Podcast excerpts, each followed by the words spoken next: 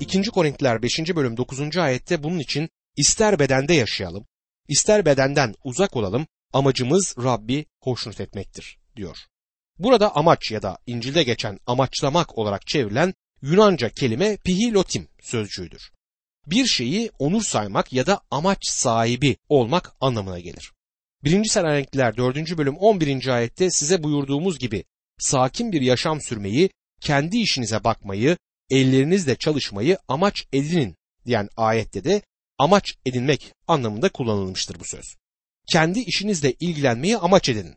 Bu sözcüğün diğer çevirilerde çalışmak olarak çevrildiği bu ayet onun tarafından kabul edilmek için bunu amaç edinmeyi, bu yönde çalışmayı söylemektedir. Bu büyük biri olmayı amaç edinmekte aynı şey değildir. Bizler sevgili oğulda kabul edildik. Elçi Paulus bunu Efesliler 1. bölüm 5 ve 6. ayetlerde açıkça söyler. Kendi isteği ve iyi amacı uyarınca İsa Mesih aracılığıyla kendisine oğullar olalım diye bizi önceden belirledi. Öyle ki sevgili oğlunda bize bağışladığı yüce lütfu övülsün. Ben Tanrı'nın önünde Mesih'te kabul edilmiş olarak duruyorum. Tanrı beni Mesih'te görür ve Mesih benim için ihtiyacım olan her şeyi yapmıştır. Bilgelik ve doğruluk, kutsallık ve kurtuluş. O benim kusursuzluğumdur. Tanrı Mesih'te beni görür ve ben onda tamamım. Tamamlığa hiçbir şey ekleyemezsiniz. Birisi yüzde yüzüne sahip olduğunda o kişi hepsine sahiptir. İmanlı olan bizler Mesih'e sahibiz ve bizler sevgili oğulda kabul edildik. Bütün inanlılar Tanrı önünde Mesih'te kabul edilmiş konumdadırlar. Onun tarafından kabul edilmiş olmak başka bir şeydir. Bu bizim durumumuzla ilgilidir ve yaşamımızı yaşama biçimimizden söz eder. Mesih için mi yaşıyoruz sorusu burada önemlidir. Onun tarafından kabul edilmeye gayret ediyor muyuz? Mesih tarafından kabul edilmenin en üste çıkmak için herkesi ezmek anlamına gelmediği açıktır. Ancak korkarım Hristiyan işinde çalışanlar arasında kendilerine bir isim edinmek için bunu yapanlar bulunmaktadır. Doktor Champel Morgan bu sorunla nasıl mücadele ettiğini anlatır. Rabbin hizmetine girmeye çağrıldığında öğretmenlik yapıyordu. Bu onun için epey ciddi bir zamandı. Rabbin kendisine söz hizmeti için ayrıldın. Peki şimdi büyük bir vaiz mi olmak istiyorsun yoksa benim hizmetkarım mı olmak istiyorsun dediğini hissetmişti. Doktor Morgan'ın aklına gelen ilk düşünce büyük bir vaiz olmak istiyorumdu. Bu harika bir amaç olmalı ama bir süre sonra Rab büyük bir vaiz mi olmak istiyorsun yoksa benim hizmetkarım mı olmak istiyorsun diyerek onu tekrar sıkıştırmaya başlar. Sonunda Doktor Morgan Rabbin istediği yere geldi. Bir seçim yapması gerektiğini gördü. Sonunda ey kutsanmış Rab senin hizmetkarın olmayı her şeyden çok istiyorum dedi. Tanınmayan bir vaiz olmaya razı oldu. Tanrı Doktor Morgan'ı sadece hizmetkarı yapmakla kalmayıp aynı zamanda onu büyük bir vaizle yaptı. Bazen amacımızın Tanrı için büyük bir iş yapmak olduğu gerçeğini düşünüyoruz. Tanrı kendisinin hizmetkarları olmamızı istediğini söyler. O kadar. Sizler ve benim. Ya Rab beni al, beni ne istiyorsan öyle yap. Beni kır ve benimle istediğin şeyleri yap diyebileceğimiz bir yere gelmemiz gerekmektedir. Tanrı Yeremya aracılığıyla Yeremya 45. bölüm 5. ayette sana gelince büyük şeyler peşinde mi koşuyorsun? Sakın koşma. Çünkü bütün halkın üzerine felaket getirmek üzereyim diyor Rab. Ama sen nereye gidersen git canını bağışlayacağım demişti. Bu yeterince açık söylenmiş bir şey değil mi? Dostum kendiniz için büyük şeyler edinmeye çalışmayın.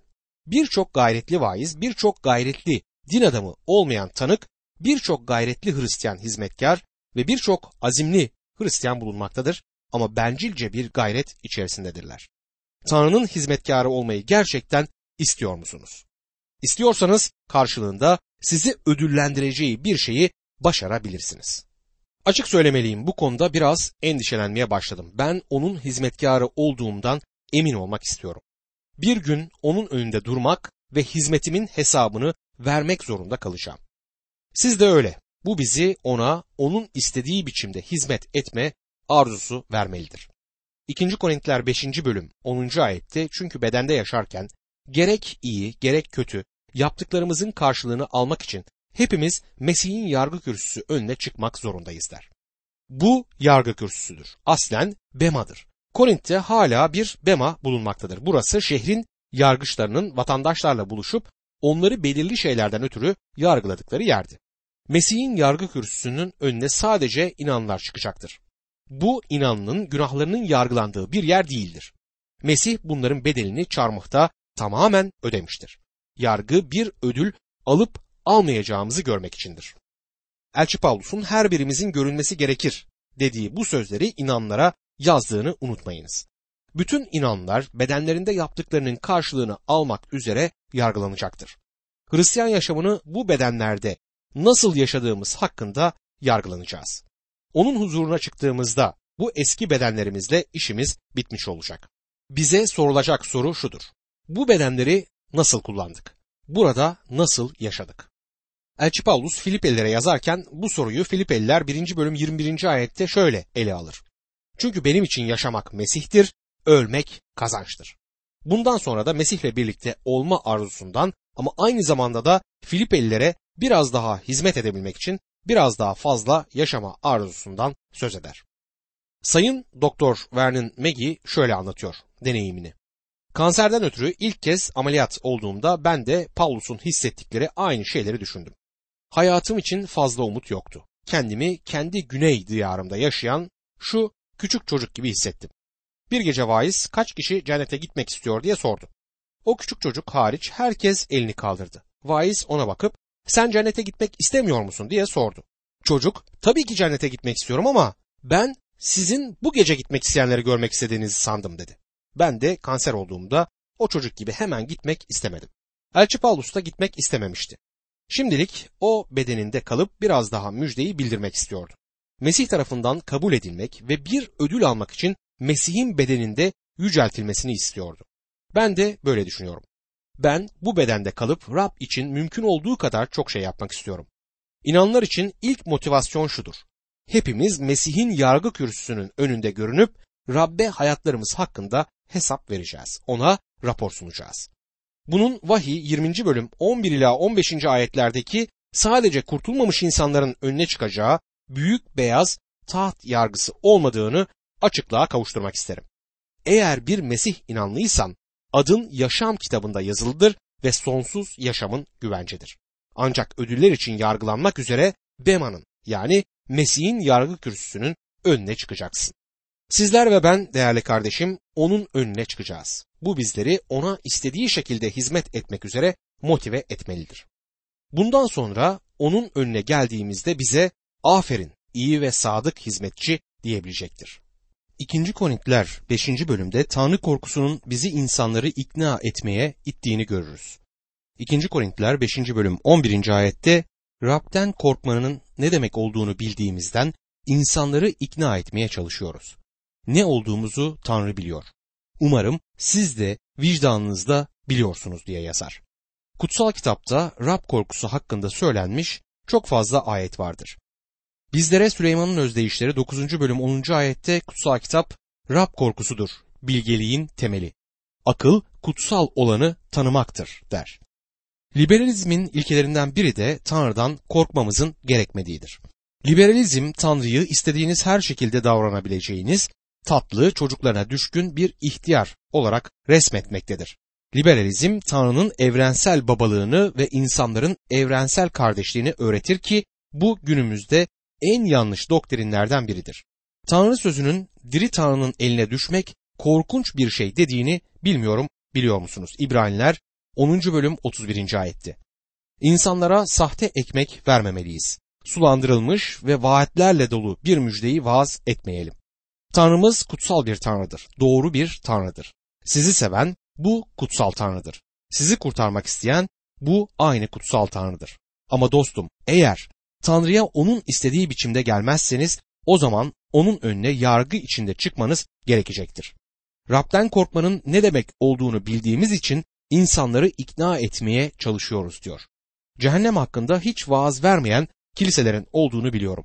Ceza ve yargı hakkında çok az vaaz verilmektedir. Bunun sonucu olarak Tanrı'nın yargısı günümüzde protestanlıkta neredeyse kaybolmuş bir noktadır. Rab İsa Mesih kayıp olanı arayıp kurtarmaya geldiğini söylemişti. Dostum, diri Tanrı'nın eline düşmek korkunç bir şeydir. Tanrı'nın yargısından korkmamız gerekiyor. onun tarafından sorumlu tutulacağımızı anlamamız gerekir. 2. Korintiler 5. bölüm 12. ayette kendimizi yine size tavsiye etmeye çalışmıyoruz. Ama yürekle değil, dış görünüşle övünenleri yanıtlayabilmeniz için bizimle övünmenize fırsat veriyoruz der. Yani Tanrı'nın öğütlerinin tamamını bildiriyorsanız bunu sevgi dolu bir biçimde yapabilirsiniz. Gök gürültüsü ve şimşekleri aşağıya indirmenize gerek yoktur. Ancak insanların kayıp olduklarını kabul edip bunu çok açık bir biçimde bildirmemiz gerekmektedir. Bunu söyleyerek kendimizi tavsiye ediyor olmayız. Yani popüler olmaya çalışmıyoruz. Günümüzde duyduğumuz fazlasıyla yumuşak vaazlardan her zaman korkuyorum. Günümüzde psikoloji yolunda giden insanlara nasıl uyumlu biri olabileceklerini anlatan bir sürü vaaz vardır. Size şunu söylemek isterim ki eğer Mesihsiz iseniz ihtiyacınız olan şey psikolojik uyum değildir. Cehenneme gidecek olan bir günahkarsınız ve cehenneme gitme yolundasınız. İhtiyacınız olan şey ise İsa Mesih'tir. Size bunu söylemek beni popüler yapmayabilir ama bu Tanrı'nın sözüdür. Bizler size kendimizi tavsiye etmiyoruz. Bizimle övünmenizi de istemiyoruz. Bizim için yapmanızın önem taşıdığı şey size Tanrı'nın öğüdünün tamamını verebilmektir. Tanrı sözünü vermekteki motivasyonumuz Tanrı'nın yargısını kabul etmemizdendir. Bu günümüzde uyuyan birçok kilise üyesini de uyandıracak olan şeydir. Müjdeciler gelip uzak diyarlardaki ihtiyaçlardan söz ederler. Size şunu söyleyeyim ki müjdeyi bulunduğumuz yerde duyurmaya başlamalıyız. Her ülkenin Tanrı sözüne ihtiyacı vardır. Her ülkedeki insanlara bu iyi haber verilmelidir. İnsanlar aslında ruhsal alanda bir kaybolma yolundadır ve siz her gün onlarla bir araya geliyorsunuz. 2. Korintiler 5. bölüm 13. ayette eğer kendimize değilsek bu Tanrı içindir. Aklımız başımızdaysa bu sizin içindir diyor Elçi Paulus. İnsanların onun deli olduğunu düşündüklerini söylemektedir. Bunun onun için hiçbir sakıncası yok çünkü yaptıklarını Tanrı için yapmaktadır. Ya da bazı insanlar aklının başında olduğunu düşünebilirler. Yine de onlar uğruna aklı başındadır. Üçüncü nokta ise 2. Korintiler 5. bölümde Mesih'in sevgisinin bizi zorladığı gerçeğidir. 2. Korintiler 5. bölüm 14 ve 15. ayetlerde bizi zorlayan Mesih'in sevgisidir. Yargımız şu. Biri herkes için öldü. Öyleyse hepsi öldü. Evet Mesih herkes için öldü. Öyle ki yaşayanlar artık kendileri için değil, kendileri uğruna ölüp dirilen Mesih için yaşasınlar diyor. Zorlamak yanlış anlaşılmış olan bir sözcüktür. Akla gelen düşünce Mesih'in sevgisinin bizi sınırladığı ya da bizi bağladığıdır. Elçi Paulus sözcüğü burada bu anlamda kullanmamaktadır. Mesih'in sevgisinin bizi dışarı ittiğini söylemektedir. Bizi motive eden Mesih'in sevgisidir. Mesih'in sevgisi Tanrı sözünü vermemize neden olmaktadır. Mesih'in sevgisi bizi zorlamaktadır. Yargımız şu ki bir kişi herkesin uğruna öldü. Öyleyse hepsi öldü. Pavlus'u müjdenin mesajıyla dünyanın uçlarına gönderen işte budur. Yargımız şu ki bir kişi herkesin uğruna öldü. Öyleyse hepsi öldü. İnsanlar ölüm cezası altındadırlar. Adem, Adem bahçesindeyken bizim temsilcimiz olarak bir başkanımızdı. O eski yaratılışın başıydı. O eski yaratılış Adem'de mahkeme önündedir. Tanrı ona yaratılış 2. bölüm 16 ve 17. ayetlerde ona bahçede istediğin ağacın meyvesini yiyebilirsin diye buyurdu. Ama iyi ile kötüyü bilme ağacından yeme. Çünkü ondan yediğin gün kesinlikle ölürsün demişti. Adem Tanrı'ya bilerek itaatsizlik etti. Ölüm cezasına çarptırıldı ve bunu yaptığında insanlığın tümünü de kendisiyle birlikte aynı cezaya çarptırdı. Çünkü bütün insanlık Adem'de temsil edilmektedir. Sizler ve ben ölmekte olan bir aileye doğduk. Şimdi bütün insanlık bu ölüm cezasının altındadır. Birisi doğduğunuz andan itibaren size verilmiş olan hayat sizden alınmaya başlamaktadır der. Davut karanlık ölüm vadisinden geçsem bile dediğinde yaşamın sonundan söz etmiyordu. Yaşamının tümünün sonunda ölümün kapısına gelene dek gitgide karanlığa gömüldüğünü, darlaşan ölümün büyük vadisi gibi olduğunu söylemekteydi. Doktor Ironside bunu diğerlerinden farklı bir şekilde örneklendirmektedir ve ben şimdi onun örneğini kendi anlatımımla sizlere aktarmak isterim.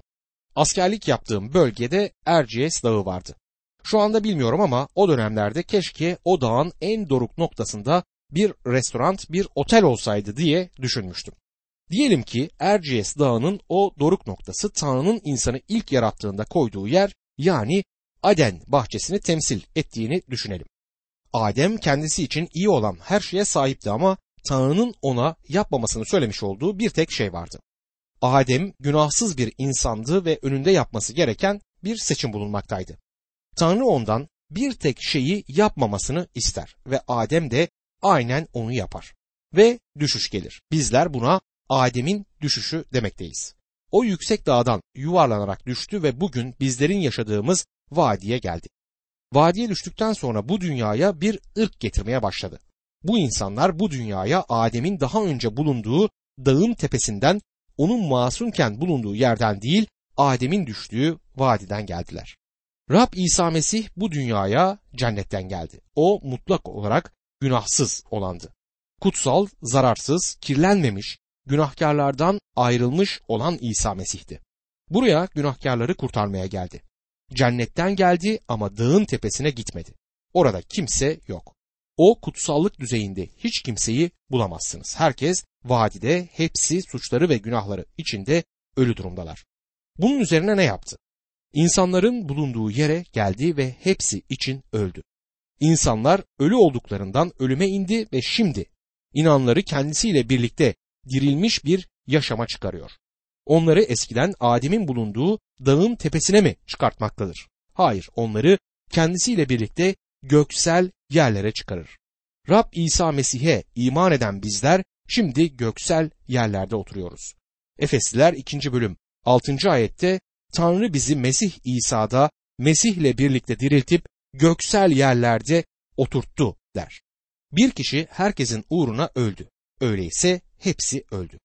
Bizim yerimizi aldı. Ona inananların hepsi onunla birlikte dirilmişlerdir. Dağın tepesine konup oradan yine düşmeleri için diriltilmemişlerdir. Hayır, onları ta göksel yerlere Mesih çıkartır. Mesih bizim yerimizi aldı ve eğer bizler yaşayacaksak bu ona imanla olacaktır ki yaşayanlar artık kendileri için değil, kendileri uğruna ölmüş ve dirilmiş olan Mesih için yaşasınlar. Mesih sadece bizler ölüm ve yargıdan kurtulalım diye değil, ölüm konumumuzdan yeni yaşama götürülmemiz için ölmüştür. Şimdi artık yaşamlarımız ona adanmış olmalıdır ve bundan sonra Tanrı'nın yüceliği için yaşamalıyız. Bu Tanrı çocuğu için insan ailesinin yepyeni bir yorumunu yapmaktadır. 2. Korintiler 5. bölüm 16. ayette bu nedenle biz artık kimseyi insan ölçülerine göre tanımayız. Mesih'i bu ölçülere göre tanıdıksa da artık öyle tanımıyoruz der. Şimdi artık insanları insan ölçülerine göre tanımıyor. Onları dünyada olduğumuz zamankinden farklı gözlerle görüyoruz. Dünyada sadece kayıp insanlar vardır. Tanıdığım bir profesör vardı. Çok zeki bir adam ama aynı zamanda da kayıp bir kişiydi. Çünkü Mesih'te değildi. Sürünmekte olan bir adam tanıyorum. O da kayıp bir insan çünkü o da Mesih'te değildir. Artık kimseyi insan ölçülerine göre tanımayız. Bunun anlamı insanları uluslarına, sosyal konumlarına ya da renklerine göre değerlendirmediğimizdir. Eski doğaya göre hepsinin kayıp olduklarını biliyoruz. Ama Mesih hepsi için öldü. Mesih o profesör için de öldü, sürünmekte olan o adam için de öldü. Mesih her birimiz için öldü. Yakup mektubunun ikinci bölümünde bundan söz etmektedir. Parmağında pahalı bir yüzük, üzerinde güzel giysilerle aramıza gelen zengin bir adama en iyi yeri verip de fakir birini arkada ayakta tutmamızın yanlış bir şey olduğunu söylemektedir. Peki bu neden yanlıştır? Çünkü Tanrı'nın çocukları olarak bütün insanlığa Mesih'in kendileri için ölmüş olduğu günahkarlar olarak bakmamız gerekmektedir. Yahudilerle Yahudi olmayanlar arasındaki çizgi bile artık silinmiştir. Bütün insanlık Tanrı'nın önünde günahkardır. Herkes için tek çözüm İsa Mesih'in müjdesidir. Hiç kimseye insan ölçülerine göre bakmayız. Hepsi bizim için aynı düzeydedirler. Mesih'i buna göre tanıdıksa da artık şimdi öyle tanımıyoruz diyor. Ben Pavlus'un Mesih'i bedende tanıdığına inanıyorum. Onun Mesih'in çarmıha gerilişinde orada olduğuna inanıyorum. O zeki genç verisinin Yarışilim'deki o çarmıha geriliş olayında orada bulunmayacağına inanmıyorum. İsa Mesih bu dünyada 2000 yıl önce yaşadı. Beytlehem'de doğdu, Nasıra'da büyüdü. Celile'de yaşadı, hizmetine Celile'nin Kana kentinde başladı. Yarışlim'e gitti, orada bir çarmıhta öldü, şehrin dışında Yusuf'un mezarına gömüldü. Ve üçüncü gün ölümden dirildi. Kendisine ait olanlara göründü ve yeniden cennete geri döndü. Bizler artık onu Celileli adam olarak tanımıyoruz. Günümüzde Celileli adam yoktur. Noel zamanı bir sürü insan Betlehem'e gider. Beytlehem insanlarla dolup taşar. Bu insanlar orada ne ararlar? O küçük bebeği mi arıyorlar bilmiyorum. Çünkü o orada değildir. Noel zamanı Yaruşilim turistlerle dolup taşar. Dirilmiş Rabbimiz orada değildir. Çünkü bizler artık onu bedende tanımıyoruz. Şimdi tam şu anda o cennette Tanrı'nın sağındadır. O yüceltilmiş Mesih'tir. Mesih'i buna göre tanıdıksa da artık şimdi öyle tanımıyoruz diyor ayette. Bizler bu dünyada 2000 yıl önce yaşamış kişiyle değil, yücelikte olan kişiyle özdeştik. Onunla ölmüş olup diriltildiğimizi ve şimdi Mesih İsa ile göksel yerlerde olduğumuzu söylememizin nedeni budur. 2. Korintliler 5. bölüm bize önemli bir vurguda bulunur. Bu da Mesih'te yeni yaratılıştır. 2. Korintliler 5. bölüm 17. ayette bir kimse Mesih'te ise yeni yaratıktır. Eski şeyler geçmiş, her şey yeni olmuştur der. Burada çok büyük bir gerçek dile getirilmiştir. Bu ayette yaratık olarak çevrilen sözcüğü yaratılış olarak değiştirmeme izin verin. Bir kimse Mesih'te ise yeni yaratılıştır. Bu ayeti sık sık tanıklık toplantılarında duymaktayız. İnsanlar bu ayeti aktararak Mesih'e iman edişlerinden söz ederler. Artık iman etmeden önceki kötü alışkanlıklarını sürdürmediklerini söylerler ve bu alışkanlıklarındaki bu değişikliği bu ayetin yerine gelişi olarak görmektedirler. Sizler ve ben Mesih İsa'da yeni bir yaratılışsak geçmiş olan eski şeyler nelerdir?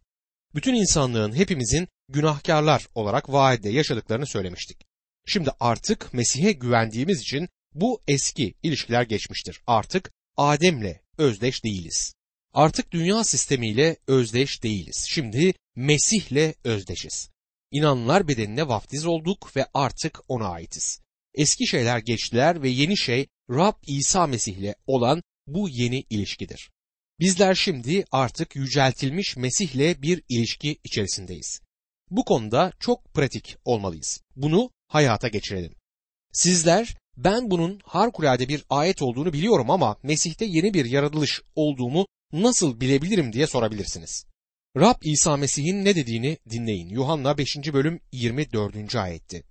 Size doğrusunu söyleyeyim. Sözümü işitip beni gönderene iman edenin sonsuz yaşamı vardır. Böyle biri yargılanmaz, ölümden yaşama geçmiştir. Rab İsa Mesih'e iman ettiniz mi? Ona güveniyor musunuz? Eğer güveniyorsanız size sonsuz hayatınız olduğu ve yargılanmayacağınız hakkında güvence veriyor. Bu sizi artık yargı ve ölüme tabi olmayan yeni bir yaratılış yapar. Artık yaşama geçtiniz. Güveniniz için deneyimi temel almaya çalışmayın. İsa Mesih bunu söylediği için yeni bir yaratılışsınız. Temel olan Tanrı sözüdür. Siz artık Adem'de düşen eski yaratılışa ait değilsiniz. Yeni yaratılış Mesih İsa'da durmaktadır ve eğer ona güveniyorsanız siz ondasınız. Sizler ve ben tehlikeli ve ayartılmalarla dolu bir yerde durmaktayız. Birçok bakımdan düşebiliriz ama harikulade gerçek Rab İsa Mesih'in bizleri kurtarmış olması ve bizlerin onda yeni bir yaratılış olmamızdır.